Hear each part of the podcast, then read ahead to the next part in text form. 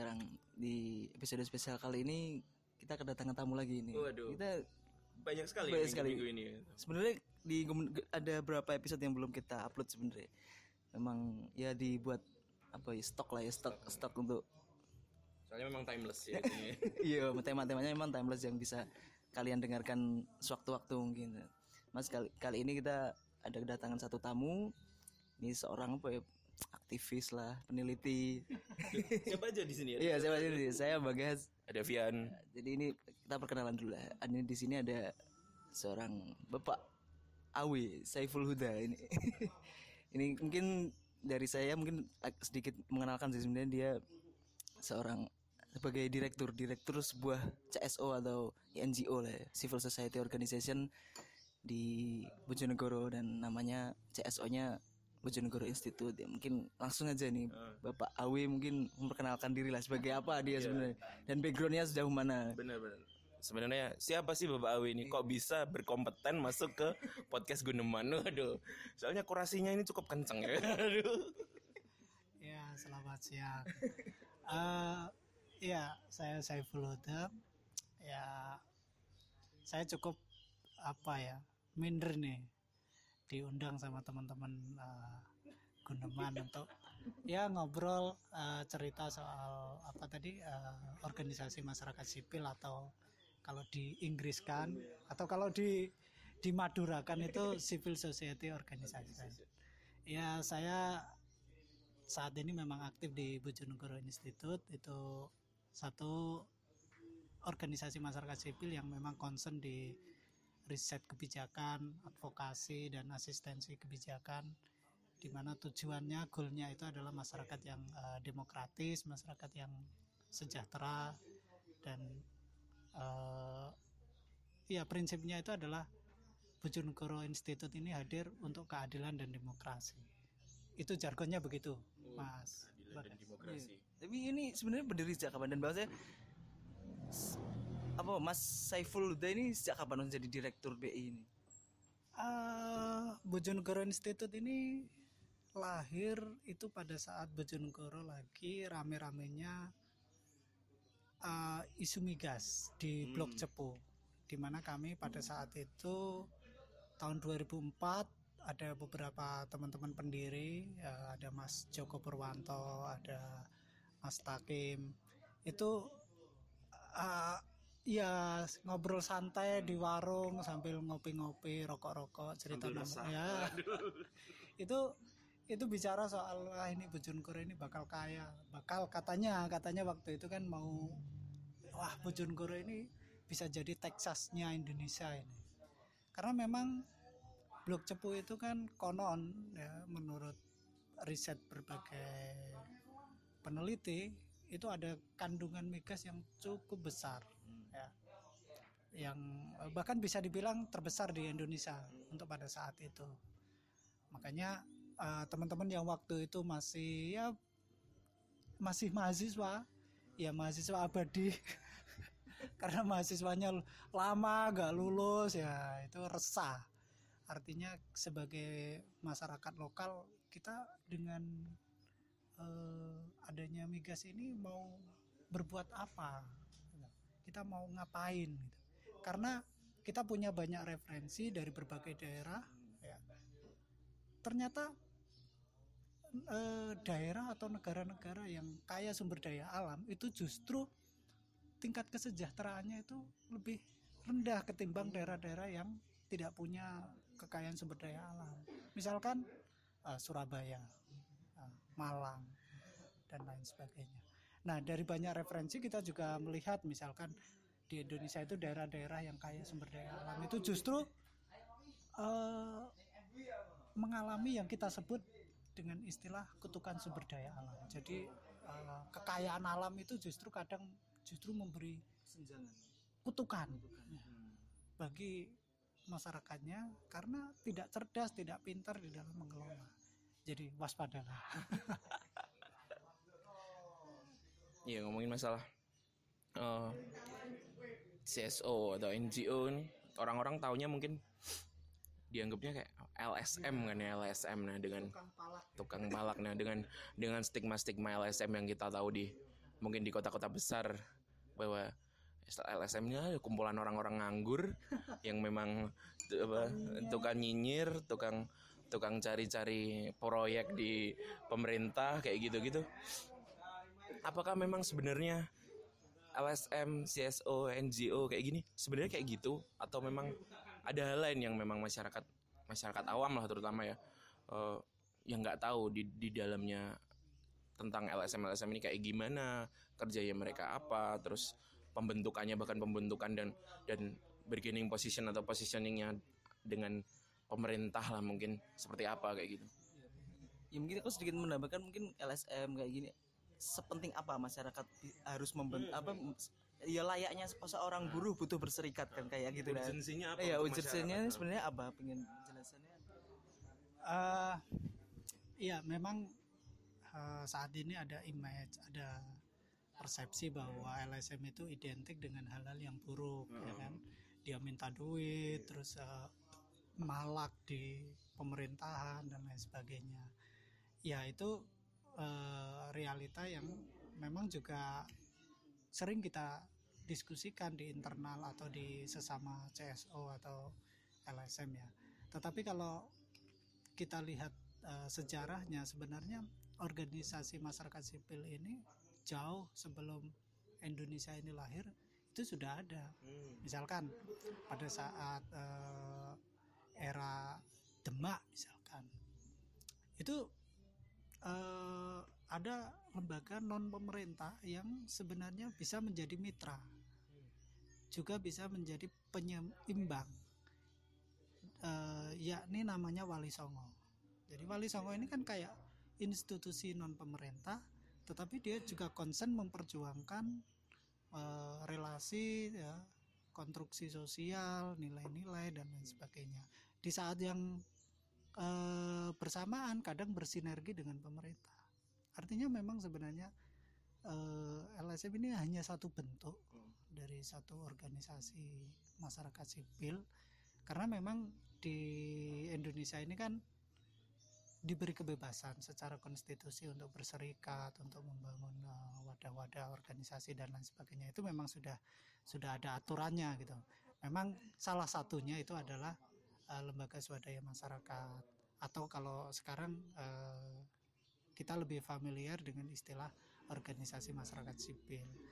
Nah sejarahnya memang eh, jadi jauh sebelum Indonesia itu sudah ada praktek-praktek lembaga-lembaga masyarakat sipil yang dia justru sangat memberi apa ya uh, impact yang besar memperjuangkan menjadi mediator infomediaris bagi warga mendidik dan lain sebagainya. Salah satunya ya contohnya ya itu uh, Wali Songo. Itu kan uh, kayak lembaga non pemerintah Uh, di di seni budaya juga ada misalkan Pandawa dan uh, apa itu Punokawan itu ya. Punokawan ini kan kayak uh, kelembagaan masyarakat biasa ada Semar, Garing dan lain sebagainya. Yang kadang justru ini menjadi tempat untuk uh, berkeluh kesah. Untuk meminta uh, teman-teman Pandawa itu minta konsultasi soal kebijakan, soal uh, permasalahan dan lain sebagainya. Karena memang uh, sosok atau Kurawa ini, ini dia yang benar-benar tahu permasalahan ya, terus uh, peristiwa yang ada di tengah-tengah masyarakat. Nah, LSM itu juga sebenarnya atau organisasi masyarakat sipil ini sebenarnya dia adalah eh, mandat mandatorinya itu adalah menyuarakan ya menyampaikan apa yang permasalahan-permasalahan yang ada di sekitar masyarakatnya dia menjadi kayak mediator kelompok tengah ya atau menjadi infomediari bagi masyarakat supaya masyarakat eh, tahu apa yang sebenarnya makanya di LSM atau di organisasi masyarakat sipil ini biasanya kegiatannya adalah yang paling basic itu adalah penelitian. Misalnya kami itu selalu melakukan penelitian-penelitian ya seputar kebijakan, seputar eh, kemiskinan misalkan eh, seputar lingkungan ya. Jadi hasil riset kami kemudian kita diseminasikan, kita paparkan. Ini loh sebenarnya yang terjadi di masyarakat. Sehingga harapannya dengan eh, diseminasi hasil penelitian itu para pembuat kebijakan, para pemangku kepentingan, para pihak itu bisa ayo kita berdiskusi nih. Nah, itu sebenarnya uh, yang yang menjadi mm, mandatori dari uh, organisasi masyarakat sipil. Hmm, kayaknya serius banget ya. Ya mungkin ini salah satu episode terberat lah ya. Oh iya, cukup di itulah ya, disiapkan otaknya. ya. Nah, kalau dengan dengan kayak gitu dengan eh, tujuan bahwa ini tempat tempat yang untuk masyarakat berkeluh kesah kayak gitu gimana gimana eh, teman-teman dari CSO ini bisa memapa- memaparkan di lapangan ini ternyata masyarakat seperti apa kayak gitu mungkin kebutuhannya mungkin mungkin dinamikanya di tengah gitu. apakah ini berarti mengartikan bahwa pemerintah ini sebenarnya nggak berkompeten tahu bahwa masyarakatnya ini ternyata ada gejolak seperti apa sehingga harus harus ada bantuan dari CSO-CSO kayak gini gitu. apakah mereka ini mereka ini sebenarnya tutup mata terus terus kayak eh, ntar lah dapat data dari teman-teman LSM aja tanpa tanpa tahu ternyata masyarakatnya di di di wilayahnya ini kayak gimana sih masalah di di tengah-tengah mereka dinamika apa aja yang ada kayak gitu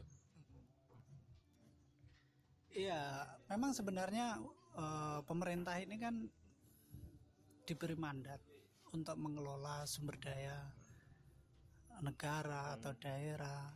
ya. Salah satunya, salah satu sumber daya itu kan kebanyakan itu dari pajak masyarakat. Nah, dia di- diberi mandat untuk mengelola dengan sebaik-baiknya. Nah, sebaik-baiknya itu adalah bagaimana dia mendistribusikan eh, anggaran, membuat perencanaan, mengeksekusi program-program itu sesuai dengan kebutuhan masyarakatnya. Tetapi kadang antara teori, antara dasen dengan dasolen istilahnya, antara sesuatu yang semestinya dengan praktek eh, kenyataannya itu sering kali ada kesenjangan. Ya, artinya memang sebenarnya itu sudah menjadi mandatorinya pemerintah tetapi di dalam prakteknya sering kali antara ya, yang sebenarnya dengan praktek itu enggak enggak. Nah fungsi organisasi masyarakat sipil itu menjadi mediator ya. dan kita lebih berpihak pada masyarakat. Sebenarnya masyarakat itu butuhnya apa sih gitu? Misalkan ini kita Bojonegoro lagi kaya kan? Duitnya banyak ya, ya. Terus eh, ternyata dari program-programnya kalau kita lihat apakah itu sesuai dengan kebutuhan prioritas masyarakat banyak kan masyarakat mengeluh di media sosial dan lain sebagainya. Nah itulah fungsi kami sebenarnya eh, mencoba untuk menjadi mediator ya melakukan riset melakukan advokasi agar eh, pemerintahan itu sesuai dengan apa yang dikehendaki masyarakat banyak. Itu sih mungkin. Iya, tapi mungkin BI memang yang saya tahu sih, saya tahu sebenarnya apa ya salah satu apa ya pem, pem, pemar pemarkrah pemer pemarkrasa. bu ya maksudnya pem, pemrakarsa terkait open government ya, ya dan yang akhirnya Bojonegoro ter- salah satu kota yang terpilih di dunia ya maksudnya salah satu yang menjadi pilot project terkait open government ini. Mungkin ya maksudnya sejauh mana BI ini mengawal policy-policy yang bisa mengarah ke open government itu sejauh mana sebenarnya? Ya itu ya mungkin sedikit for your information aja sih. Di Bojonegoro ini sebelumnya ada bupati yang memang ya mes- apa ya seolah-olah dilabeli memang dilabeli sebagai yang akhirnya bisa membawa Bojonegoro sebagai kota yang open ya katanya open. Tapi tapi entah ini BI mungkin punya perspektif yang memang bagaimana ketika mengawal polisi-polisi dari bupati sebelumnya yang bernama Kang Yoto ini.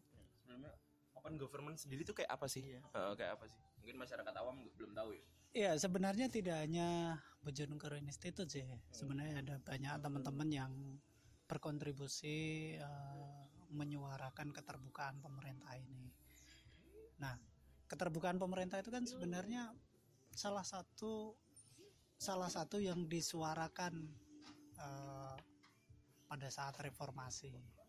Karena pada era rezim Orde Baru itu seakan-akan pemerintah itu tertutup. Jadi paradigmanya semuanya tertutup. Nah, jadi pada dasarnya semuanya tertutup kecuali yang dibuka. Siapa yang membuka dulu Harmoko, Menteri Penerangan, gitu ya. Departemen Penerangan, nah. 4.0. nah, di era reformasi salah satu tuntutannya itu adalah soal keterbukaan, soal transparansi, soal akuntabilitas dan lain sebagainya. Karena sebenarnya pemerintahan itu kan dia mengelola dana publik sehingga sebagai publik harus tahu gitu loh publik harus tahu ya. dan itu sudah menjadi mandat konstitusi kalau kita baca undang-undang dasarnya ya keterbukaan itu menjadi bagian mandat pemerintah yang harus diberikan kepada masyarakat. Uh, terus di reformasi juga lahir undang-undang yang menurut kami sangat luar biasa undang-undang keterbukaan informasi publik itu. Itu masyarakat diberi hak untuk untuk untuk tahu untuk bisa mengakses ya memanfaatkan data dan informasi. Nah terkait dengan open government atau kalau di Bojonegoro itu kan lagi istilahnya orang menyebutnya Open Government Partnership atau disebut OGP. Nah, banyak orang-orang yang apa itu me, apa bikin plesetan hmm. OGP apa ek, jadi EGP hmm. ya kan atau yang lainnya. Nah, sebenarnya apa sih itu Open Government Partnership? Jadi ya sebenarnya Open Government Partnership itu adalah satu pendekatan hmm. di mana di dalam pembangunan itu pemerintah harus terbuka kepada publik hmm. supaya publik sebagai mandatori itu tahu apa yang dilakukan oleh pemerintah. Jadi eh, ini benar-benar paradigma public service. Pemerintah itu sebenarnya adalah public service murni public service pemberi layanan kepada masyarakat. Dan dia mengelola dana-dana publik. Sehingga ya publik juga harus tahu dong uh, berhak tahu dong misalkan uh, kamu itu kerjanya kayak gimana? Misalkan anggaran sekian digunakan untuk apa? Bagaimana menyusunnya? Apakah kamu susun sendiri atau melibatkan partisipasi publik dan lain sebagainya? Nah terkait dengan sejarahnya Open Government Partnership itu sebenarnya pada tahun 2019 di PBB itu setiap tahun ada namanya peringatan Hari H untuk tahu. Pernah dengar gak? Nah, hari H untuk tahu. Oh ada ya kayak gitu. Ada. Itu uh, kayak hari keterbukaan informasi publik uh, internasional ya, di dunia. Dan itu yang mencetuskan adalah PBB. Nah, pada tahun pada tahun 2019 bulan September sebelum peringatan Hari Hak Tahu itu ada sekitar delapan negara ngumpul.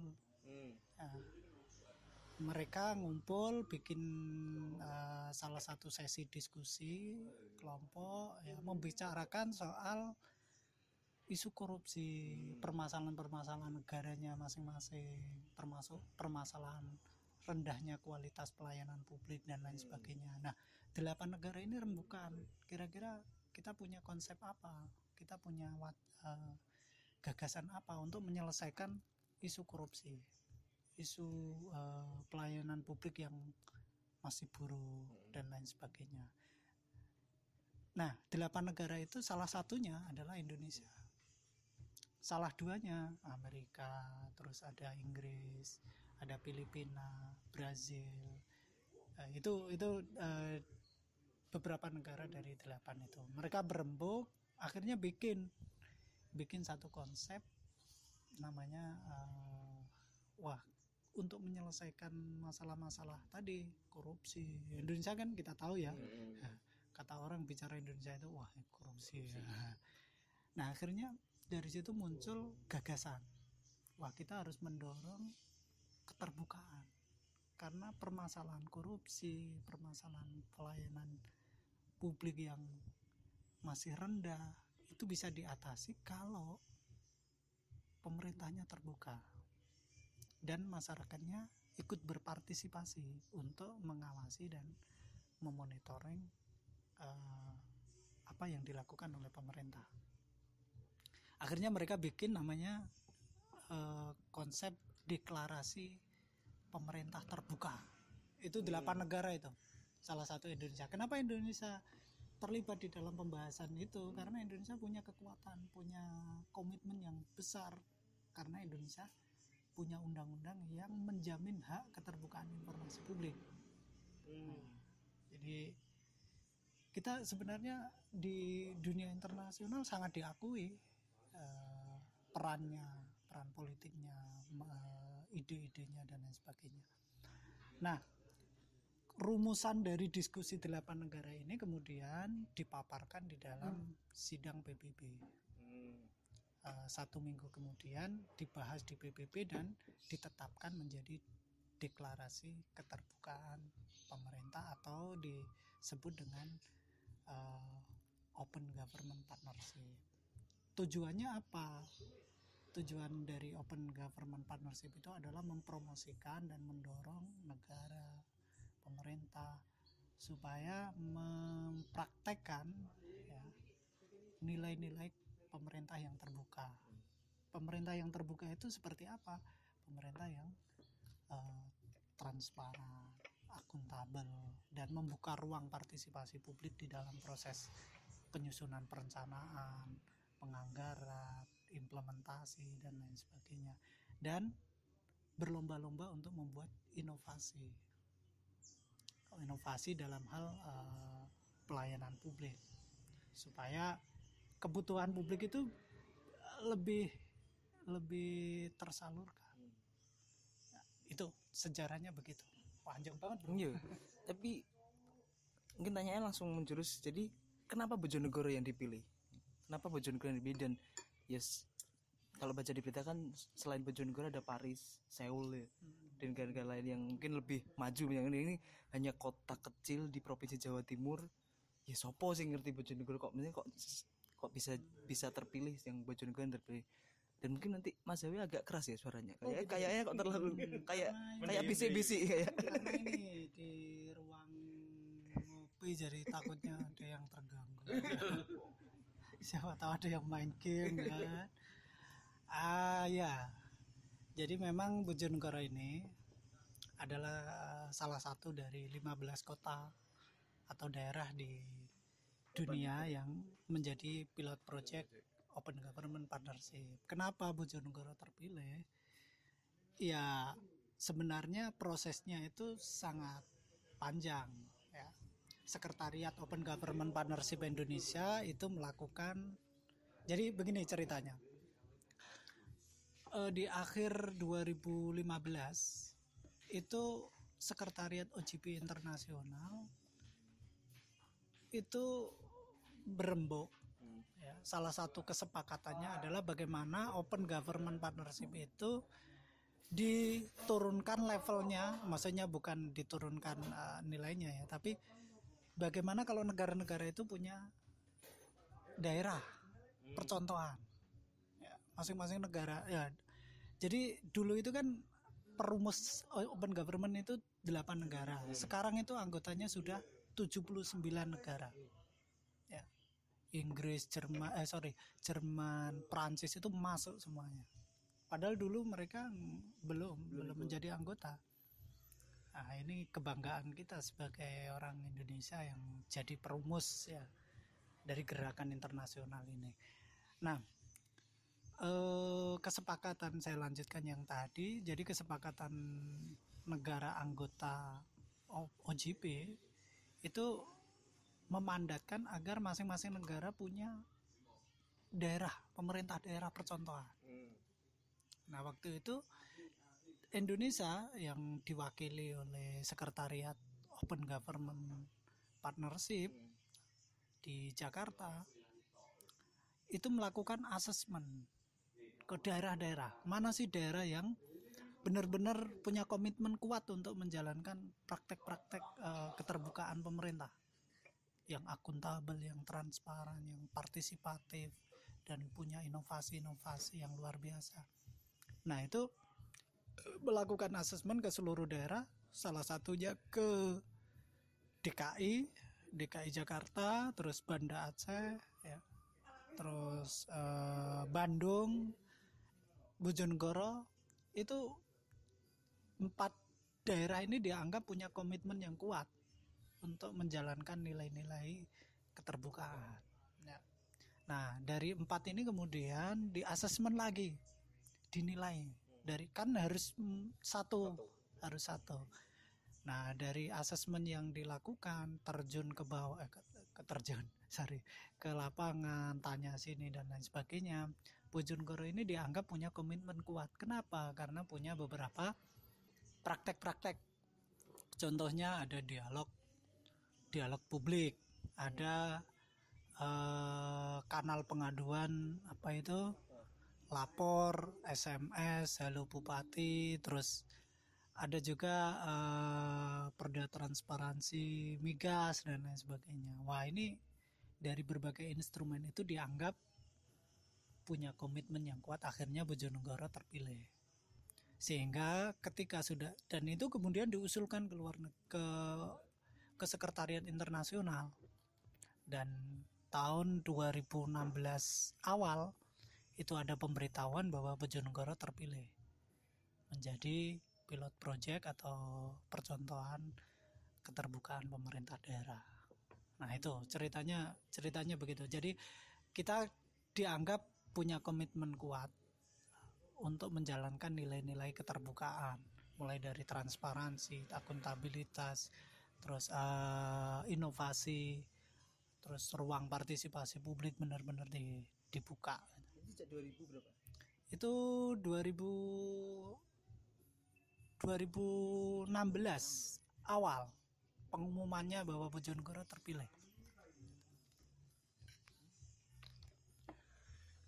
Ini ngomongin tentang keterbukaan pemerintah dan lain sebagainya kita tahu juga bahwa e, bentuk pemerintahan Indonesia pun kadang lima tahun sekali ganti ya maksudnya apakah apakah dengan hal tersebut ketika lima tahun sekali pemangku kebijakannya berganti pemimpinnya berganti apakah e, konsep atau bentuk dari keterbukaan ini akan berganti juga?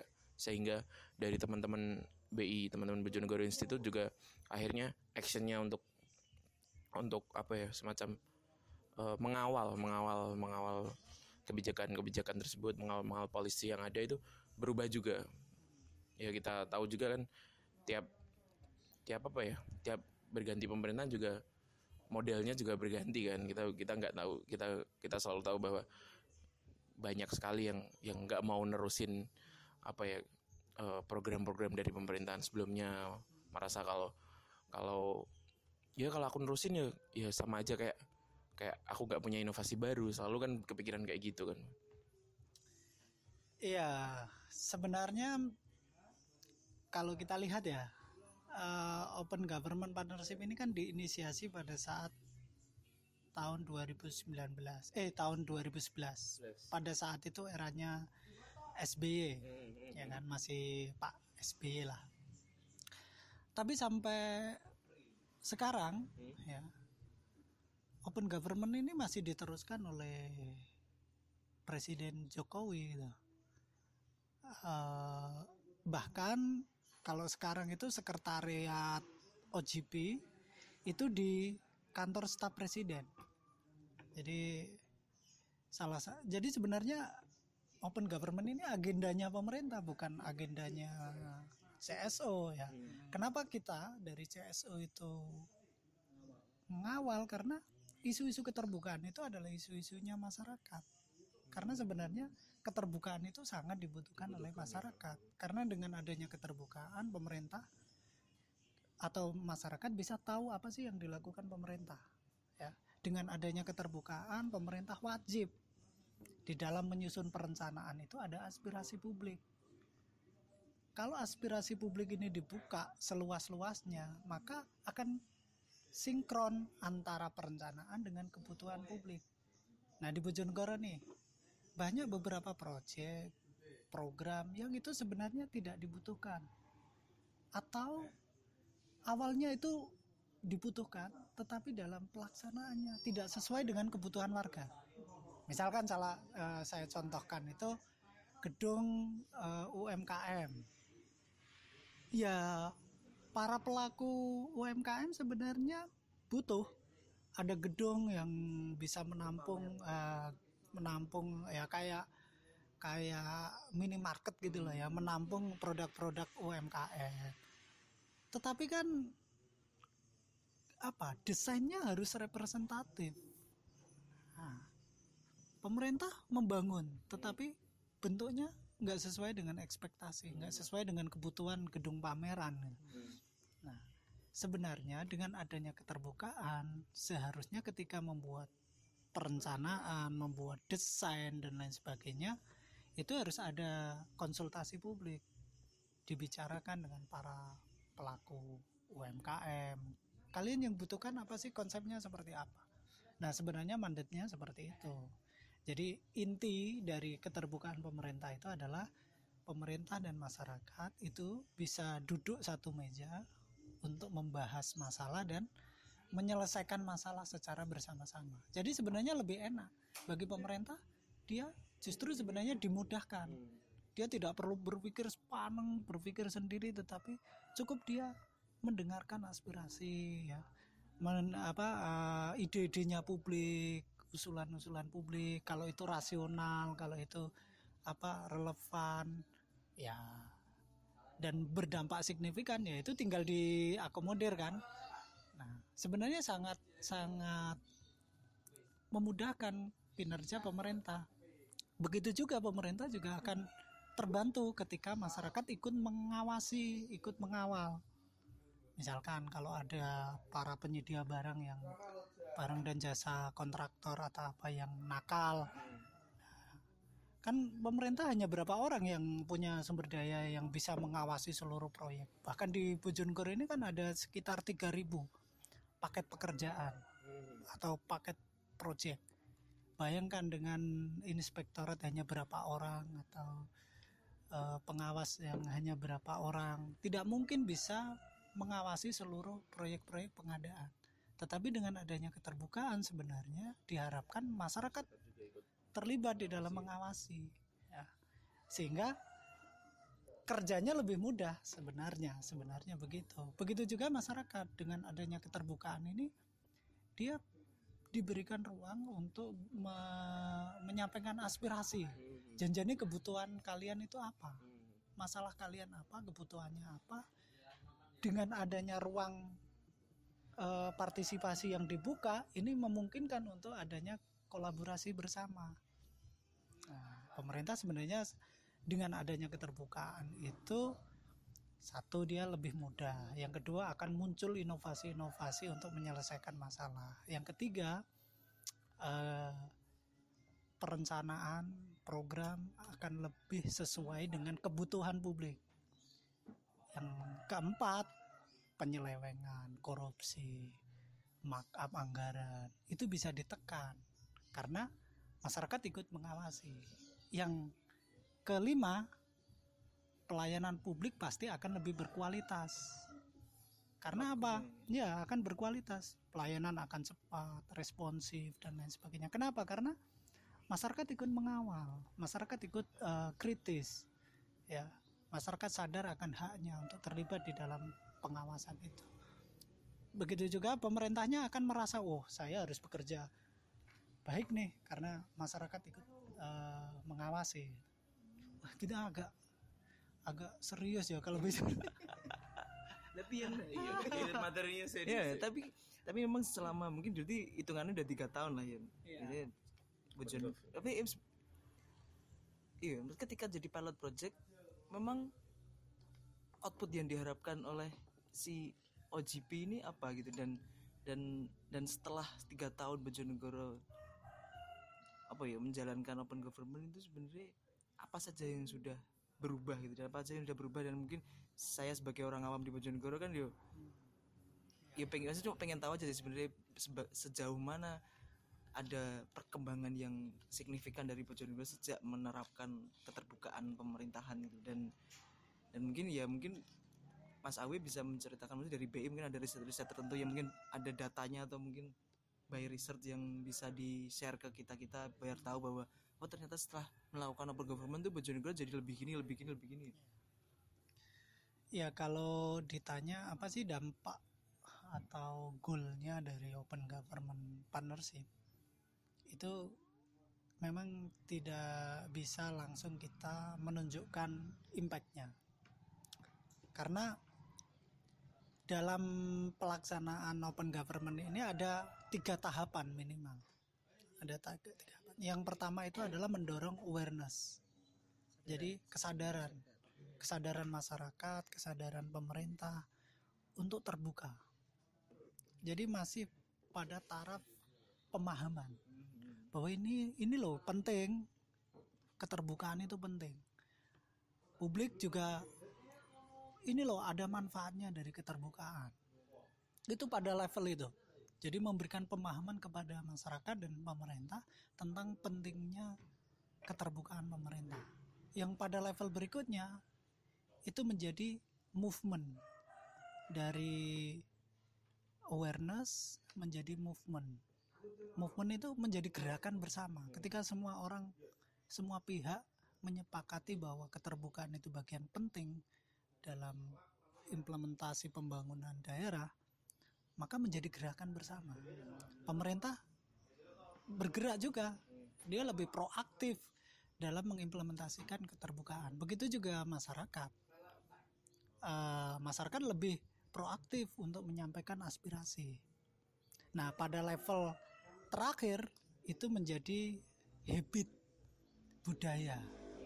Jadi keterbukaan itu menjadi budaya. Artinya bahwa ya dengan melakukan keterbukaan itu bagian dari budaya orang Bojonegoro gitu. Nah, sampai pada level ini kita ini pada level mana gitu. Nah, kalau saya menilai kita itu sebenarnya masih pada tataran awareness, pada dari pemahaman, ya, belum menjadi gerakan. Ya, memang ada sih gerakan-gerakan kecil, Eh, misalkan desa menginformasikan APBDes-nya, pemerintah juga mempublikasikan APBD-nya, terus punya kanal-kanal pengaduan dan aspirasi publik. Memang memang eh, itu sudah dilakukan praktek-praktek seperti itu. Tetapi hasil hasil observasi kami itu tidak belum maksimal gitu. Jadi ada ada pendistorsian dari makna keterbukaan. Jadi pemerintah masih menganggap keterbukaan itu "Oh, data-data tak buka. Tapi dia minim dalam melibatkan partisipasi publik. Misalkan kalau dia menyusun rencana kerja dinas atau SKPD ya, seharusnya kan dalam menyusun rencana kerja satu tahun dia undang tuh masyarakat masyarakat ya harus ada konsultasi publik. Ya undang misalnya dinas pendidikan. Ya undang para pelaku pegiat eh, di isu pendidikan supaya memberikan masukan. Akademisi terus eh, CSO ya komunitas atau kelompok yang memang concern di bergerak di isu pendidikan. Sehingga benar-benar apa yang dilakukan dalam satu tahun itu matang gitu loh. Nah itu itu belum dilakukan. Ya hasil observasi kami ketika beberapa dinas itu ketika membuat rencana kerja satu tahun dia belum pernah melakukan konsultasi publik. Padahal itu sudah diaman diamanatkan oleh regulasi Permendagri yang terbaru. Nah begitu juga masyarakat. Ya ini juga mohon maaf masyarakat itu masih menganggap keterbukaan itu menjadi ruang untuk apa ya mengawasi saja jadi menjadikan keterbukaan oh kamu anggur nah. jadi lebih banyak ke pengawasan padahal seharusnya keterbukaan ini dimanfaatkan oleh publik untuk menyampaikan aspirasi. Ketika misalkan ada musrenbang kabupaten, ya, ayo hadir ini ada musrenbang kabupaten. Jadi berpartisipasi itu tidak hanya hadir, tapi harus membawa usulan dan usulannya memang usulan yang yang benar-benar prioritas. Ya, lah itu. Jadi kalau sebenarnya spirit keterbukaan itu dilakukan, maka pemerintahan itu akan jauh lebih baik. Pembangunan akan jauh lebih baik. Antara Dasen dengan Dasolen itu eh, jaraknya tipis gitu. Nah ini bisa kita lihat di praktek-praktek negara-negara maju ya. Itu pembangunan sudah sangat cukup bagus. Misalkan proyek jalan, benar-benar berkualitas karena ketika nanti jalan itu berlubang terus ada warga yang jatuh dia bisa komplain minta ganti rugi dan lain sebagainya kepada pihak-pihak yang terkait. Nah itu itu ke depannya sebenarnya begitu. Di Bojonegoro ya saya melihat kemarin itu ada progres ada ya ada komitmen yang kuat untuk mengimplementasikan praktek-praktek keterbukaan dan itu sebenarnya masih proses yang cukup panjang. Ada tiga level tadi kan? Ada awareness ya, movement terus yang terakhir habit dan itu masih panjang sekali sebenarnya. Bahkan kalau kita baca baca teorinya Arsen uh, delapan tangga partisipasi publik itu ada delapan nah pada level terakhir itu adalah citizen control di mana publik itu itu mengontrol, ikut mengawal, tidak boleh cuek karena sebenarnya itu dana publik gitu lah. Sebagian besar dari sumber daya pembangunan ini kan dari pajak orang-orang tua kita ya, atau pajak kita kan. Nah, seharusnya kita juga punya interest yang kuat. Pajak kita itu dipakai untuk apa sih? Ya, itu seperti itu uh, itu mungkin kalau kalau yang bupati sekarang mungkin karena ini masa transisi ya jadi hmm. mungkin masih cek sound ya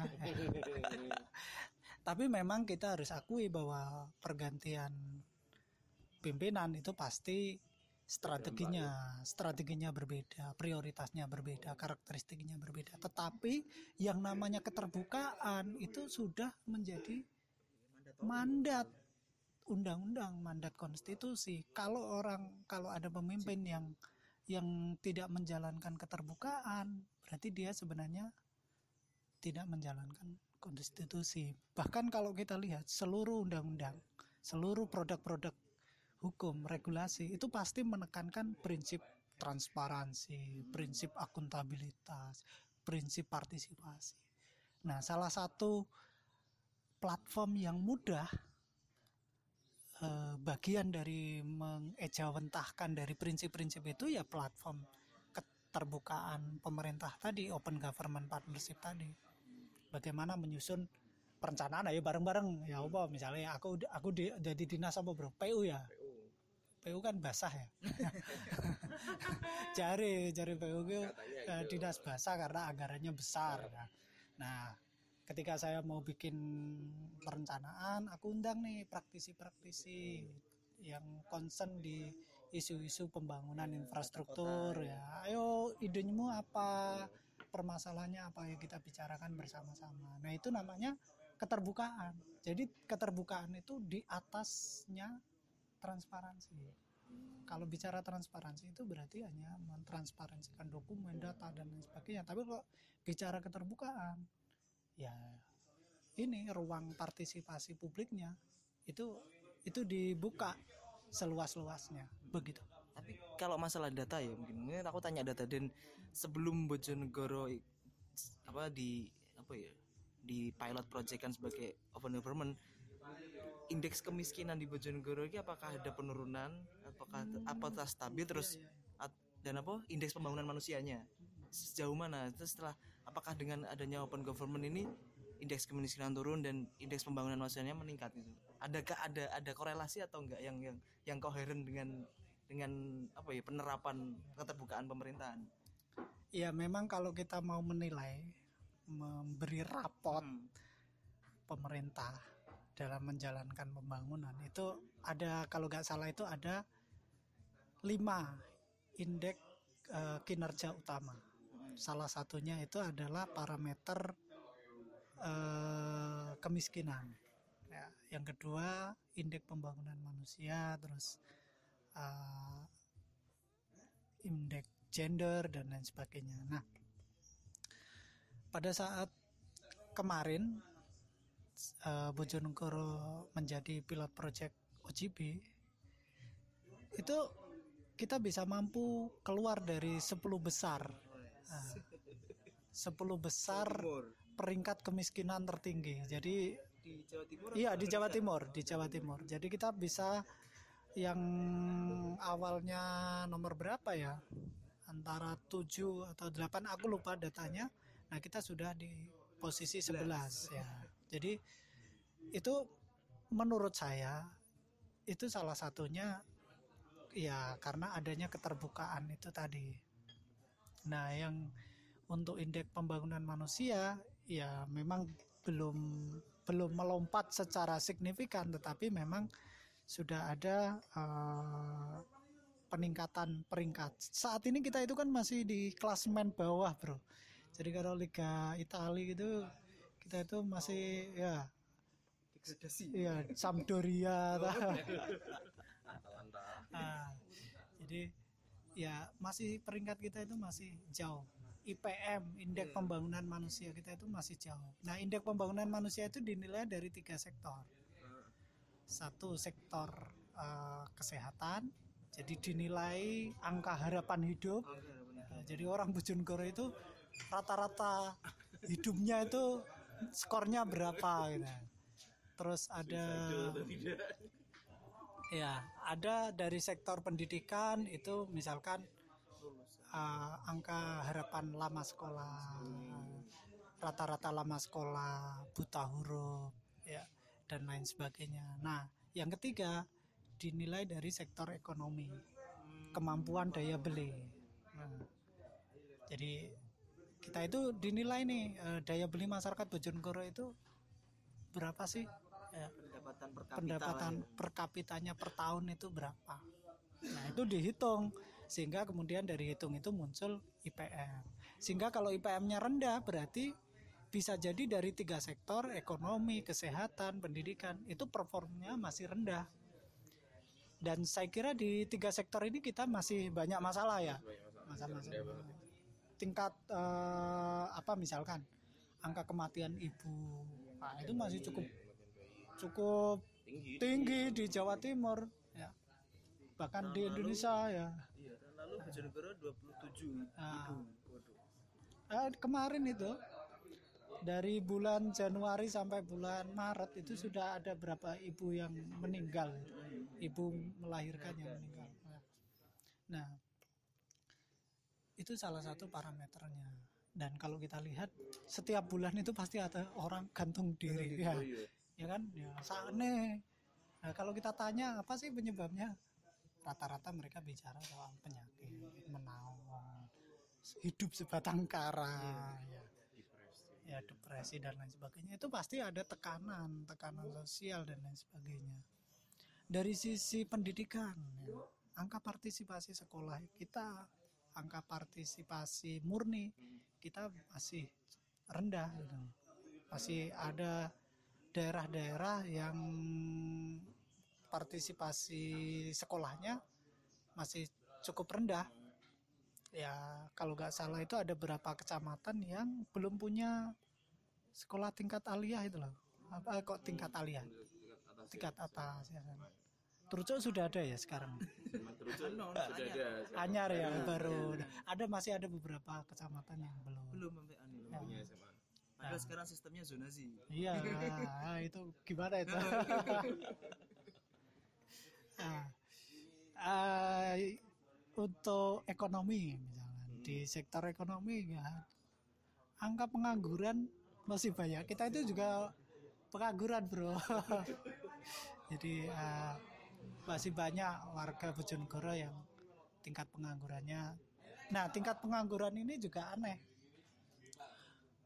Lowongan kerja banyak, Hmm. tetapi serapan tenaga kerja kok minim. Hmm.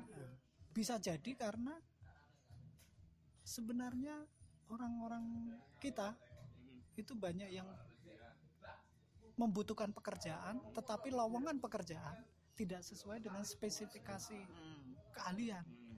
Nah, ini harus di, di kita dorong nih supaya pendidikan kita itu benar-benar memperhatikan skill. sesuai kebutuhan apa Iya, ya, kebutuhan industri skill, vokasinya harus diperkuat dan lain sebagainya.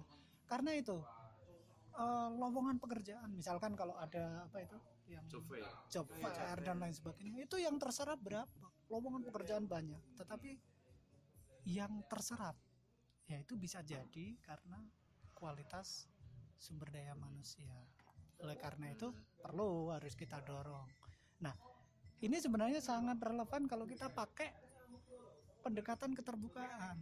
Jadi sebenarnya tahu, masing-masing tahu, masing-masing pihak tahu. Misalkan dari perusahaan atau privat sektor, mbok butuhno ki opo? Iki enek wong Bojonegoro sekian persen nganggur. Sehingga dengan begitu dengan saling terbuka, oh saya butuhnya itu orang dengan spesifikasi ini. Nah, nah padahal di sorry sorry sorry mutong Sebenarnya padahal di dinas dinas perindustrian dan ketenagakerjaan itu ada kartu kuning loh ya sebenarnya kan bisa oh ya. mengklasifikasikan bahwa yang daftar di kartu kuning ini lulusan apa aja mungkin kalau dia dari kejuruan dia jurusannya apa aja kan sebenarnya bisa dipetakan ya sebenarnya Iya. gitu juga jelas. Nah, sebenarnya data orang yang ngurus kartu kuning itu kan juga harus apa ya? Dimanfaatkan datanya untuk dianalisis. Hmm, dianalisis Ya, kan pemetaan pemetaan masalahnya. Jadi kebutuhan industri, kebutuhan sektor usaha itu apa? Terus eh, kita punya sumber daya manusianya seperti apa sehingga apa yang harus diperkuat.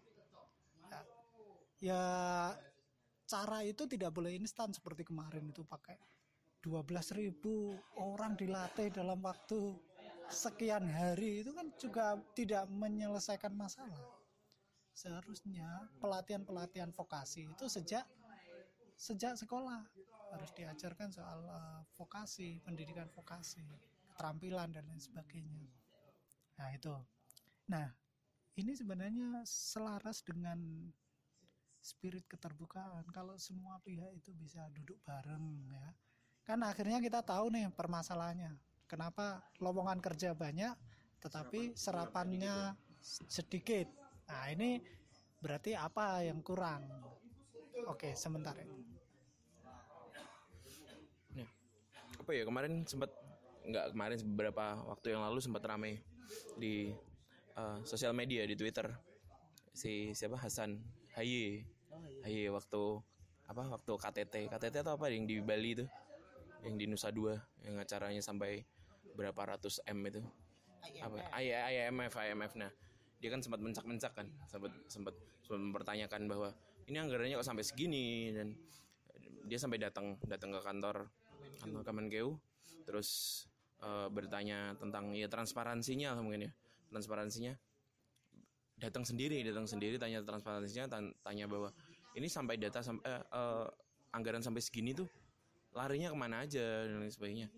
Apakah sebenarnya eh, masyarakat sipil masyarakat sipil yang mungkin perorangan mungkin tiba-tiba saya sendiri random datang ke itu terus bertanya bertanya masalah keterbukaan hal seperti itu entah apa pun entah eh, anggaran entah eh, policy-policy lain itu bisa atau atau enggak sih sebenarnya? Atau harus ada prosedur-prosedur yang dilewati ketika kita pengen tahu lah.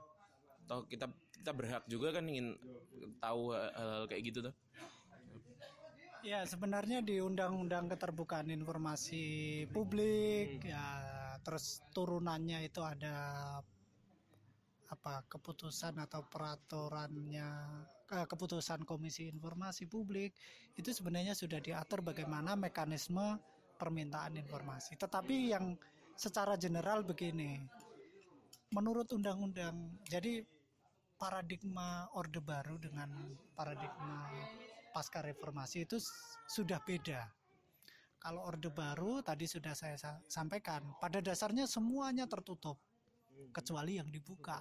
Dan itu kecil banget, sedikit banget. Dulu tanya-tanya, wah besok bisa ya, tinggal nama. Bagus ke mana nih? Nah, se- reformasi memberi warna yang lain, paradigma berbeda, terutama sejak Undang-Undang Keterbukaan Informasi Publik. Jadi semuanya pada dasarnya itu terbuka, ya. kecuali yang ditutup. Nah, yang ditutup itu apa saja? Itu diatur di pasar 17 Undang-Undang Keterbukaan Informasi Publik. Ya. Apa saja itu? Salah satunya soal mengenai keamanan negara. Keamanan misalnya kita tanya di Dandim itu ada berapa peluru? Agak boleh. Senjatanya apa aja nih di Ya, sini? mereknya apa ya? Itu soal apa? Menyangkut soal eh, pertahanan negara itu nggak boleh. Yang kedua privasi seseorang. Misalkan kita tanya di Bojonegoro ini siapa sih yang kena HIV AIDS? Nah, namanya siapa ya? Ya, itu nggak boleh. Ya ya jadi sangat sedikit sekali yang masuk kategori eh, data yang dikecualikan itu tadi Nah, pada dasarnya semuanya terbuka boleh tahu dan di mandat undang-undang KIP itu setiap warga negara diberikan hak untuk mengakses informasi. Jadi siapa pun itu kalau warga negara Indonesia itu punya hak untuk akses informasi. Termasuk Mas Fian, Mas Bagas itu. Nah, cara mekanismenya apa? Tinggal datang ke kantor eh, badan publiknya ya. Langsung men- mem- menyampaikan bisa pakai surat, bisa langsung pakai lesan ya. Terus di situ kalau atas nama perorangan harus eh, fotokopi KTP supaya identitas. Yang paling penting itu tujuannya untuk apa? Itu yang paling penting. Ya, Kadang selain tujuan juga ditanya dari mana mas? gitu-gitu. ya. kalau saya Takutan dulu kalau ada ada eh, orang yang tanya kayak gitu.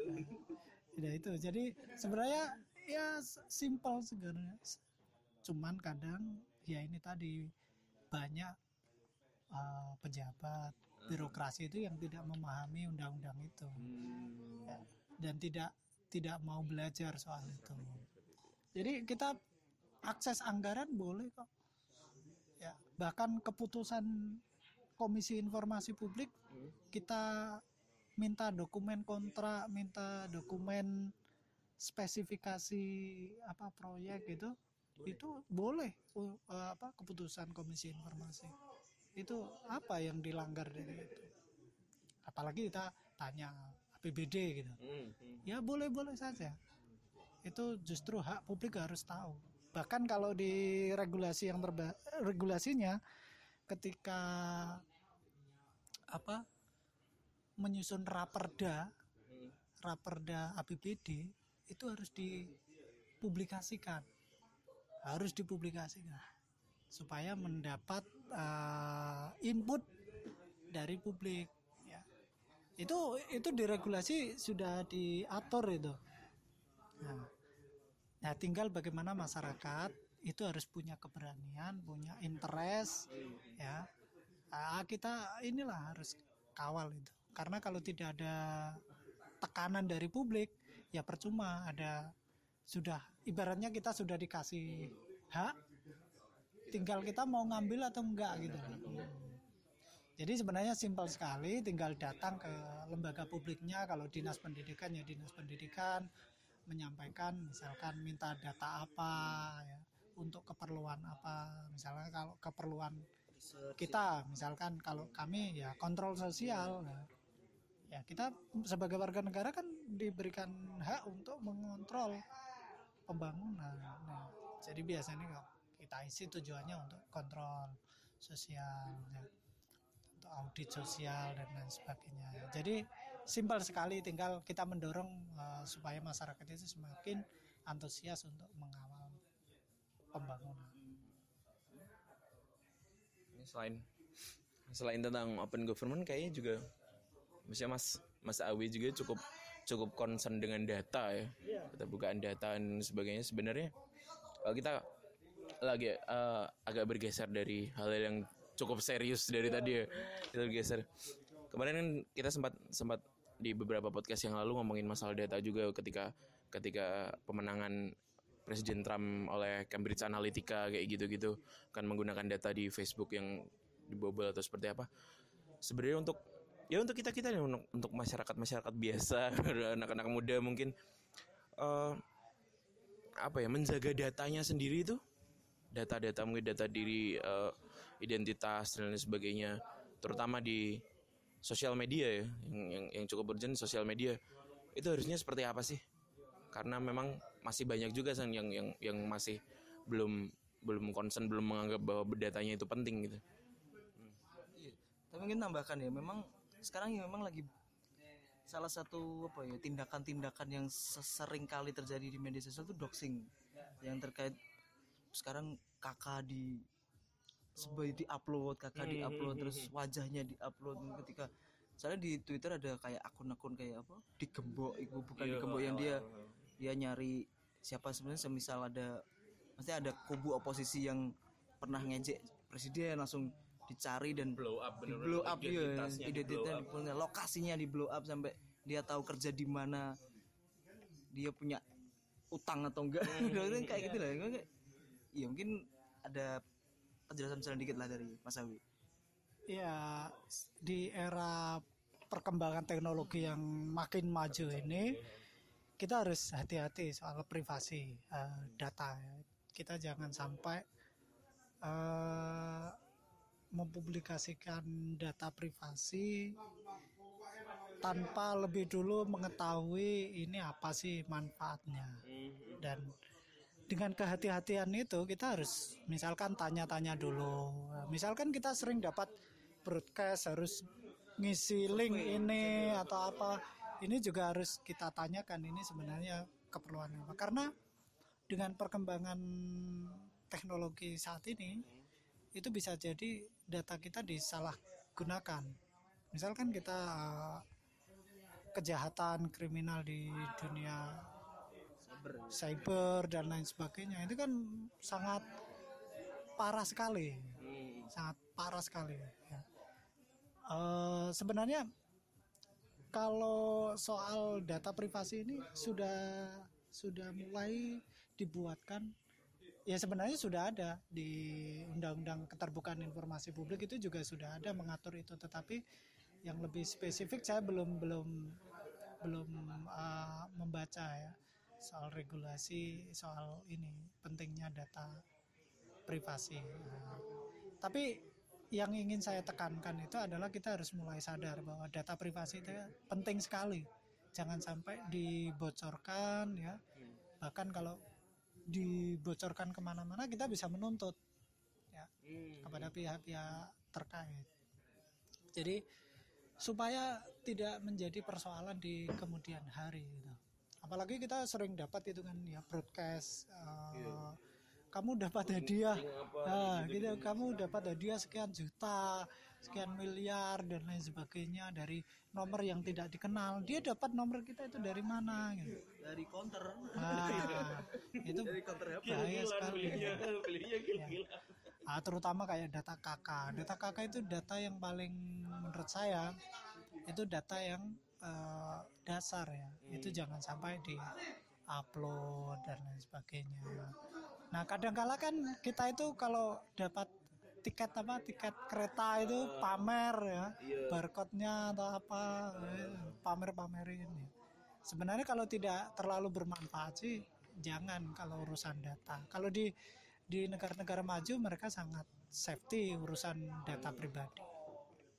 Jadi eh, data privasi itu penting. Kalau kalau lembaga saya itu kan concernnya di data publik. Jadi kita mengembangkan aplikasi eh, aplikasi-aplikasi yang sebenarnya untuk mengolah data publik, misalkan data pengadaan barang dan jasa publik. Nah, data itu kan sudah ada di website, sudah di LPSC dan lain sebagainya. Nah, kita kita punya tool, kita punya aplikasi mengolah data itu untuk menjadi bagian dari riset dan advokasi. Kita bisa mapping mana nih proyek-proyek pengadaan yang berpotensi bermasalah. Ya, itu bisa dilihat. Atau kita bisa mapping mana ini proyek-proyek yang itu perencanaannya amburadul. Ya. Nah, seperti itu. Ada permainnya uh, uh, tidak fair competition ya dan lain sebagainya itu sekarang sudah kita mengembangkan aplikasi namanya uh, Bojonegoro Open System atau BOS ya. Kita kita kita kerjasama dengan LKPP lembaga kebijakan pengadaan barang pemerintah. Kita juga kerjasama dengan ICW dan lainnya. Karena ya data-data itu sudah ter, sudah untuk publik. Tinggal bagaimana publik memanfaatkannya untuk menjadi bahan riset. Kalau sudah jadi riset kita punya rekomendasi untuk perbaikan dan lain sebagainya. Tapi mungkin ada sedikit saran sih dari saya. Memang sebenarnya orang-orang ini masih belum aware memang terkait keterbukaan data privasi. Soalnya sering kali ketika di Twitter atau di Facebook di Instagram itu sering kali ketika ada orang kehilangan KTP alih-alih dia ingin membantu untuk mengembalikan KTP ini. Tapi sebenarnya ketika kalian memfoto KTP itu hmm. dan kalian upload sebenarnya udah udah nggak boleh sebenarnya. Dan seharusnya harus ditutup. Maksudnya disensor paling nggak dikasih hitam-hitam di NIK-nya dan fotonya. Ya ini cuma hanya nama dan alamat. Atau kalau perlu nggak usah diupload langsung kirim ke alamatnya.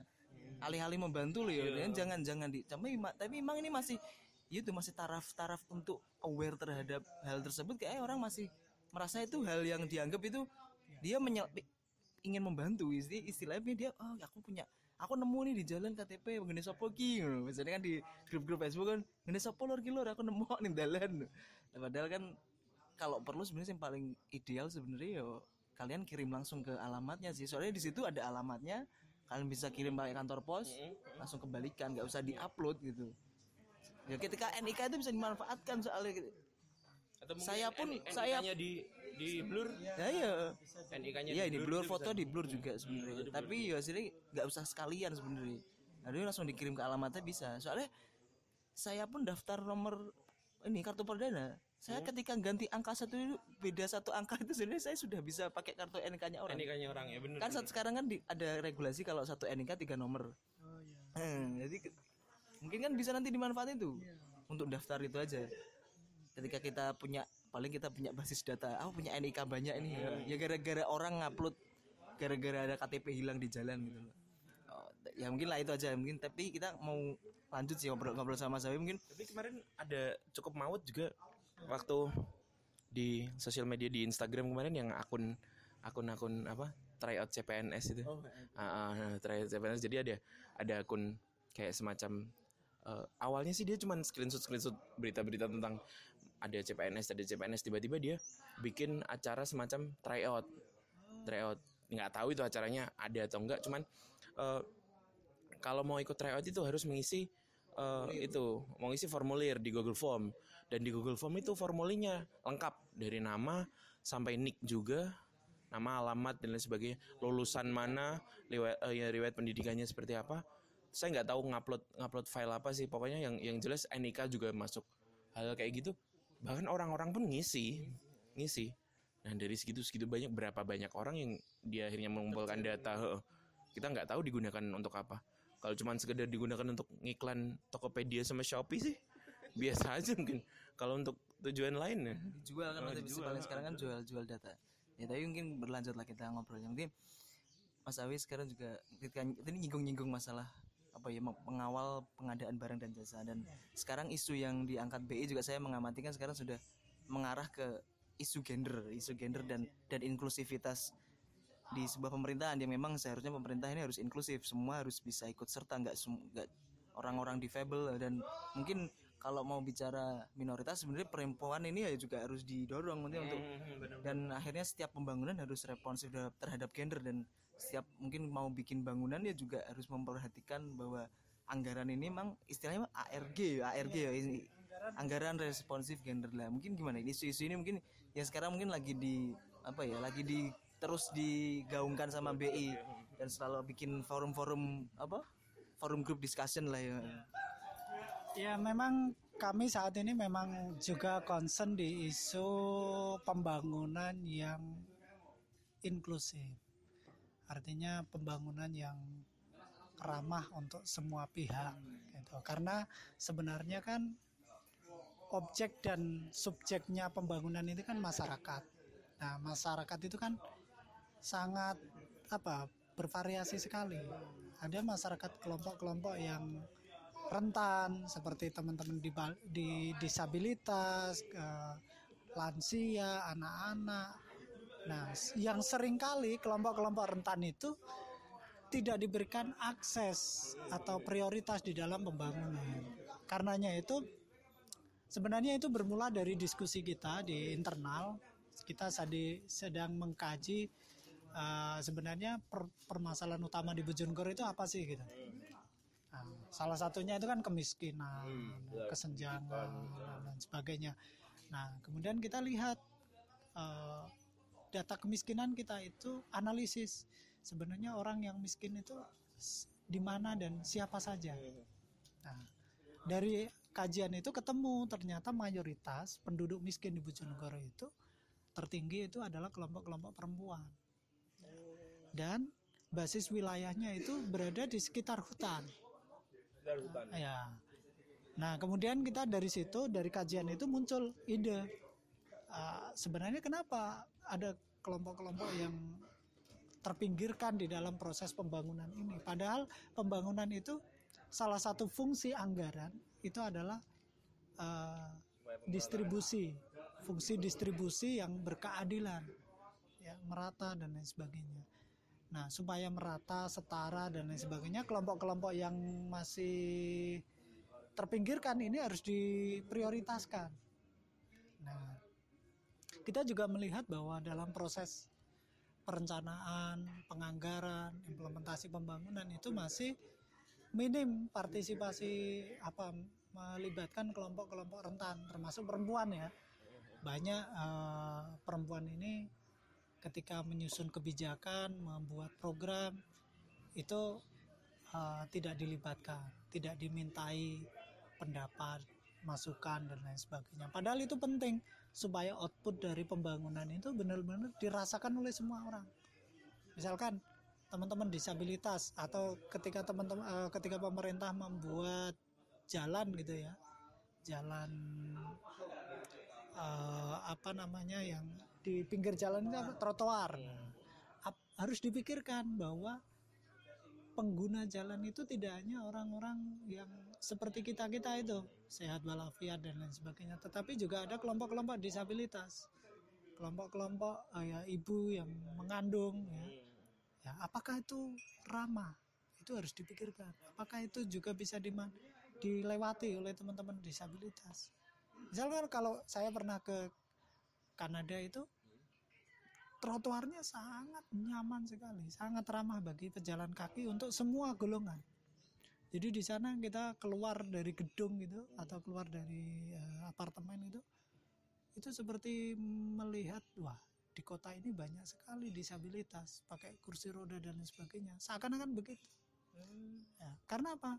Mereka uh, nyaman, nyaman kan. Bisa beraktivitas. Beraktivitas. Kalau di sini kan harus karena iya harus tinggi tinggi iya. Itu kalau, itu langsung nah, nah kalau di sana itu uh, itu harus miring ya. Jadi bisa. Apalagi trotoar-trotoar beberapa kota juga malah keramik ini mah oh kebleset. Iya. itu malah, kan kayak malah ngedrift nanti. Nah, jadi kan juga. kalau saya lihat itu trotoar di seputaran kota itu uh -huh. itu kalau ibu hamil itu jalan kaki di trotoar terus jeluk ke anjlok hmm. ya anjlok naik lagi anjlok lagi itu bisa keguguran bro iya. nah ini kan dari perspektif uh, gender sebenarnya tidak ramah nah gender itu sebenarnya tidak hanya persoalan apa uh, jenis kelamin laki-laki dan perempuan tetapi lebih kompleksnya gender itu bisa diarahkan untuk kesenjangan yang lain misalkan uh, wilayah. Ya, termasuk Bojonegoro ini sepertinya pembangunan itu terpusat di Bojonegoro sebelah utara. Ya, yang selatan belum tersentuh. Nah, padahal mereka juga warga Bojonegoro gitu loh. Nah, begitu juga dari sisi usia itu juga masuk pembahasan isu gender misalkan membuat gedung apakah itu ramah terhadap anak? Ya puskesmas uh, apakah ada ramah terhadap anak? Lansia misalkan saya nggak tahu kalau tahun kemarin di 2017 itu rumah sakit RSUD yang di veteran itu itu nggak ada priority apa eh, apa namanya itu? Antrian. ya antri seharusnya kan kita itu kalau di filmnya itu kan kita itu harus menjaga eh, menjaga orang tua melindungi orang tua itu kan bagian dari budaya. Ya kan? Seharusnya ya di pelayanan publik harus me- memperhatikan itu gitu loh. misalkan di loket eh, rumah sakit puskesmas itu harus ada priority untuk kelompok kelompok-kelompok orang tua gitu. Jadi orang tua nggak oh, ikut antri gitu. Jadi nunggu. Seharusnya ya ini sudah misalkan beberapa praktek sudah dijalankan. Misalnya kalau kita naik pesawat itu sudah ada jalur priority ya kan? Di kereta api sebenarnya juga sudah ada tempat duduk priority. Nah seharusnya ini juga diakomodir di kantor-kantor pelayanan publik termasuk rumah sakit dan lain sebagainya Ada tambahan? Hah? Iya, tapi isu-isu ini memang asik sih. Ini Sebenarnya memang jadi dis- diskus, diskursus sendiri untuk kita mengawal si pemerintah ini biar bisa lebih peka lah dengan dengan keberadaan-keberadaan. Ya mesti nggak semua orang bisa nggak semua orang bisa mengakses hasil dari pembangunan si pemerintah kan. Jadi butuh apa ya sih serba serba serba inklusif soalnya sekarang ini Indonesia emang jagonya jago jargon aja sih sebenarnya. Jadi Bojonegoro juga tahun 2013 tuh apa juga sebagai di, di, di ya ramah anak dia itu seramah apa dan sebagai kabupaten inklusif gitu. Padahal ya enggak enggak inklusif inklusif banget hingga sekarang. Tapi emang dia yang mungkin ya setahun setahun terakhir ini ya mungkin ya BI ngawal isu-isu gender dan dan memang sejauh mana soalnya yo kita semakin seru sih maksudnya FGD FGD yang diadakan oleh si BI ini memang apa ya sangat apa ya banyak perempuan ya kita sekarang ini ya. Bener-bener bener banyak banyak ngajak perempuan-perempuan untuk lebih maksudnya empowering memberdayakan si perempuan-perempuan ini untuk mendiskusikan banyak hal dan mungkin dari juga ada di sini kan ada apa, apa? PDKB apa ya? Dia Persatuan Disabilitas Kabupaten Bojonegoro. Ya itu gimana? Maksudnya mengawalnya ini sekarang se- sekarang ini apa nih yang lagi hangat mungkin di Bojonegoro yang memang jadi bahasan jadi suatu diskursus yang memang bisa dielaborasikan untuk teman-teman biar bisa ikut? Mungkin bisa oh ternyata memang penting ini untuk kita lakukan. Sebenarnya pembangunan yang responsif gender itu sudah ada strateginya. Namanya PPRG perencanaan dan penganggaran yang responsif gender. Jadi masing-masing OPD OPD ya, atau dinas atau badan pemerintah itu kalau menyusun program itu harus ada analisis uh, analisis anggaran responsif gender. Dia harus menganalisis data dan informasi terlebih dahulu. Jadi secara makro harus uh, dilihat dulu menurut data terpilah itu kesenjangannya di mana kesenjangan baik laki-laki perempuan, wilayah, usia dan lain sebagainya itu harus dilihat, dianalisis. Maka akan ketemu, oh ada kesenjangan, ini belum ada kesetaraan di sektor misalkan di pendidikan, di tingkat eh, sekolah menengah. Yang S- eh, apa SMP pertama itu, misalkan terlihat nih angka partisipasi sekolahnya masih belum setara ini yang tinggi masih laki-laki misalnya. Nah, sektor kesenjangan wilayah juga dilihat. Nah, dari analisis itu maka kemudian muncul program perumusan program. Jadi sasarannya jelas gitu. Jadi dari data terpilah laki-laki perempuan, wilayah, usia dan lain sebagainya itu kan akan kelihatan nih mana kesenjangannya. Nah, yang belum setara ini yang harus menjadi prioritas. Nah, observasi kami banyak eh, dinas atau UPD lembaga pemerintah yang belum menggunakan strategi PPRG ini. Jadi akhirnya apa? Banyak program yang netral gender. Artinya dia tidak memperti- mempertimbangkan eh, karakteristik kesenjangan tadi.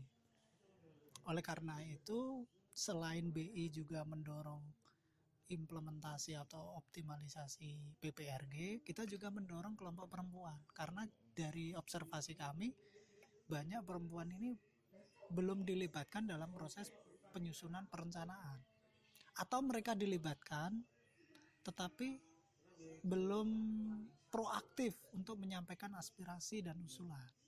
Misalkan di ketika saat musren Bangdes ya, kita ke observasi ke beberapa desa itu. Benar di situ ada beberapa perwakilan perempuan yang dihadirkan. Tetapi mereka partisipasinya masih partisipasi semu. Tidak ya ya cuman eh, apa kayak yang penting datang gitu. Padahal yang namanya partisipasi itu selain kehadiran juga usulan aspirasi itu yang paling penting. Makanya kita melihat wah ini berarti harus eh, kita kita dampingi atau kita tingkatkan kapasitas kelompok-kelompok perempuan di masing-masing desa untuk tahu untuk bisa melek terhadap anggaran. Jadi mereka membaca APBD, menganalisis berapa persentase pembangunan sektor pendidikan, sektor kesehatan. Mereka juga eh, kita kita dampingi bisa menganalisis data ya. Terus strategi advokasinya seperti apa. Mereka juga kita dampingi, kita training untuk bisa problem solving ya di lingkungannya itu ada masalah apa terus solusinya seperti apa. Nah itu yang kita lakukan selama ini. Dan eh, kemarin kita sudah melakukan training untuk anggaran responsif gender ini di 10 desa. Di itu memang memang yang kita sasar ini perempuan. Wah kok perempuan? Padahal gender itu kan laki-laki dan perempuan. Ya karena kita melihat di di dalam observasi kami di dalam riset kami ini memang eh, partisipasi perempuan di dalam proses perencanaan masih minim. Sehingga mereka harus di apa ya didampingi di ya empoweringnya supaya mereka punya kapasitas untuk terlibat untuk bisa mengolah data untuk bisa menyampaikan usulan aspirasi dan lain sebagainya Iya, jadi memang terlibat. Soalnya juga sekarang memang sudah berusaha sih Indonesia memang kelihatannya sudah berusaha untuk apa ya untuk untuk untuk untuk mengangkat isu gender qual- equality yang ya contohnya saja di di tataran legislatif sekarang juga ada aturan harus ada 30% ya. caleg dari perempuan tapi ya hasilnya tetap yang yang akhirnya terpilih ya sebenarnya ya nggak sampai segitu. Ya memang tetap lagi laki-laki dan dan selalu yang mungkin juga penting untuk pendengar ya perlu kalian ketahui juga ya di di dunia ini jumlah perempuan tuh lebih sedikit dari laki-laki. Jangan jangan mengisukan bahwa perempuan lebih banyak dan kalian harus poligami ya. Kalian Eh, kalian ini se- kita itu satu banding tiga. Kalau kita nggak poligami kita nanti nggak nanti kasihan ada perempuan jomblo. Eh goblok kalian baca data makanya jangan hanya denger-denger dari orang. Kalian sekolahnya di STM juga nggak mungkin ketemu perempuan. Coba di Semean.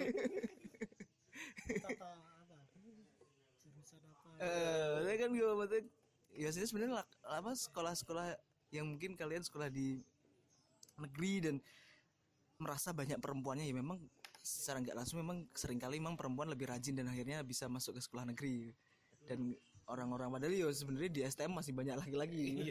Jadi sebenarnya jumlah jumlah laki-laki masih banyak dan kalau memang baca data masih banyak laki-laki dan ditimbang perempuan dan mungkin bener sih ketika BI mungkin kenapa perempuan ya memang sampai sekarang Indonesia masih kental dengan budaya patriarki. Jadi yo biar bagaimanapun ya perempuan ini harus terus terus terus terus didorong agar bisa ikut proaktif ya dalam dalam apa ya dalam partisipasi publik ini Mungkin kamu ada lagi apa?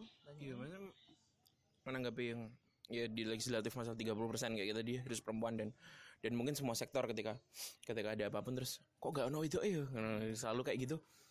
Apakah memang ini apa ya semacam kayak akhirnya jadi jadi kayak semacam ngelengkap ngelengkap itu loh.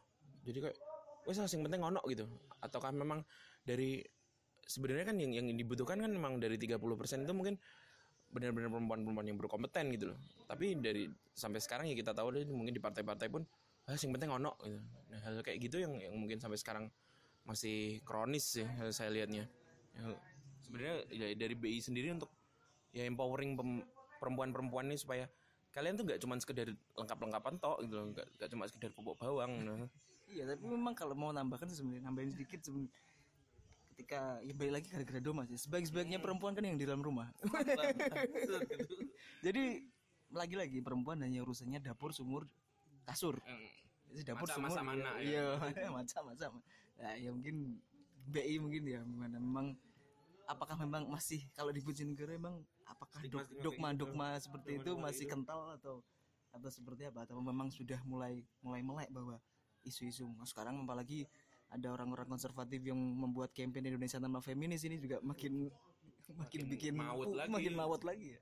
Jadi gimana kesadaran di orang Bojonegoro, perempuan-perempuan Bojonegoro apakah sudah ada awareness itu sudah mulai tumbuh bahwa bahwa ya memang perempuan juga bisa setara. Lagi-lagi ya setara bukan sama. Kalian harus paham itu. Iya, pertama saya ingin menggarisbawahi soal perwakilan perempuan di eksekutif maupun legislatif. Sebenarnya ada banyak riset yang ternyata tidak jaminan kalau kepala daerahnya perempuan atau legislatifnya perempuan itu eh, pembangunannya akan lebih responsif gender gitu. Jadi tidak jaminan tidak jaminan ya? tidak jaminan. Misalkan sekarang Bojonegoro bupatinya perempuan atau gubernurnya perempuan. Itu belum jaminan bahwa dalam pemerintahannya itu akan lebih responsif gender. Memang ekspektasinya begitu, tetapi dalam banyak riset mengatakan bahwa itu tidak bisa menjadi jaminan karena satu kadang perempuan yang duduk di eksekutif atau legislatif itu tidak memahami gender mainstreaming, tidak memahami konsep gender, tidak memahami pengaruh utamaan gender, dia tidak memahami. Jadi itu yang harus kita lihat. Nah, lalu apa yang yang kita harapkan? Salah satunya adalah jadi saya pernah nonton film namanya Meteor Man. Nah, film ini lucu-lucuan, tetapi ada pesan pesan yang menurut saya dan sampai sekarang itu menjadi eh, apa ya? Menjadi satu konsep atau nilai yang mendorong eh, program-program pemberdayaan. Atau kalau di Spider-Man itu kan kalau kamu punya kemampuan besar maka tanggung jawabmu ya besar. Nah, di di Meteorman itu sama. Meteorman itu manusia biasa yang tiba-tiba dia punya kemampuan lebih karena eh, ketibanan ketibanan batu meteor gitu. Jadi dia punya punya kekuatan eh, super. Nah, akhirnya dia hidup di masyarakat yang sangat kacau, ya, pemerintahannya kacau, masyarakatnya kacau, sampai semuanya ini apa menggantungkan segalanya ke Meteor Man ini. Jadi ke sosoknya. Jadi kalau ada penjahat, pokoknya mereka ngadunya ke Meteor Man ini. Pada suatu hari dia mungkin sakit flu ya, sakit lah ya. Dia sakit, ke kekuatannya hilang. Akhirnya masyarakat atau situasinya kacau. Ya. kriminal naik lagi tingkat kriminal praktek-praktek. Masyarakat ketakutan dan lain sebagainya. Pemerintahannya juga bingung dan lain sebagainya. Karena selama ini mereka sangat tergantung pada sosok Meteor Man ini. Akhirnya sambil sakit-sakit yang ke kekuatannya hilang Meteor Man ini bangkit dan melawan si penjahat, para penjahat. Dia babak belur, ya. Dia ya gosong kabel lah disatemi. Merempul kabel. Nah, pada saat yang seperti itu dia memompakan semangat spirit ke masyarakat. Eh, tidak ada pemerintahan yang sempurna. Tidak ada orang yang sempurna. Tetapi kalau masyarakatnya masyarakatnya eh, pesimistis, masyarakat yang sangat optimis, maka permasalahan itu bisa kita selesaikan bersama-sama. Jangan selalu berharap pada pemerintah, tapi pemerintah yang selalu punya banyak kekurangan ketika masyarakatnya sudah masyarakat optimis ya kompak ya itu bisa diatasi. Sama dengan persoalan ini. Kita tidak jangan menggantungkan pada sosok pemimpin daerah atau pemimpin negara ataupun apa. Yang ingin kita tekankan itu adalah kesadaran warga.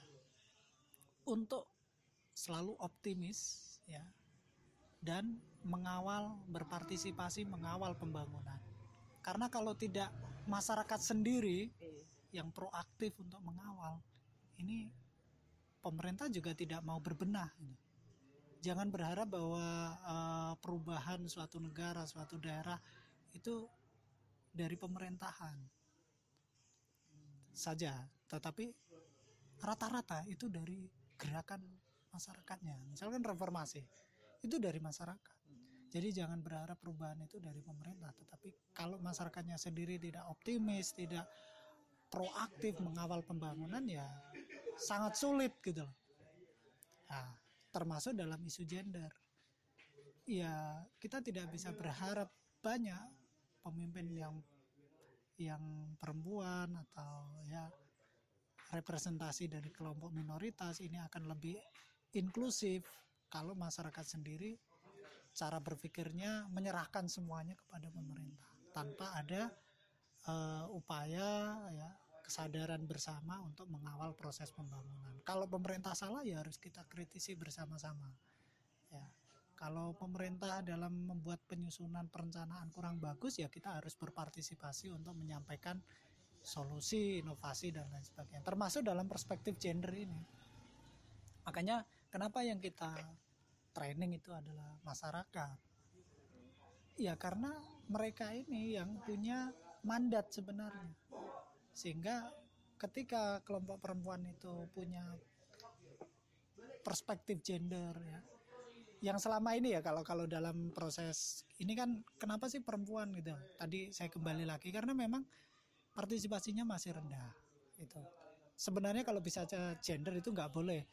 Uh, gender itu perempuan identik perempuan nggak boleh. Karena gender itu ya itu tadi eh, laki-laki uh, perempuan terus uh, wilayah kesukuan dan lain sebagainya jadi parameternya sangat sangat luas sekali nah untuk untuk mendorong pembangunan yang inklusif ini masyarakat harus terlibat kelompok-kelompok rentan lansia, anak-anak ini harus. Tapi ini LGBT nggak masuk ya? Uh, di program kami belum sampai isu itu. perempuan dulu ya. Karena ini prioritasnya masih kelompok perempuan supaya mereka aktif di dalam proses perencanaan. Gitu. Enak nih? Oh iya. Ya, mungkin kita sudah cukup panjang ini ngalor-ngalor gitu loh cerita dan mungkin semoga saja bisa menambah wawasan bagi para pendengar sih segitu saja dari kami. Selamat siang.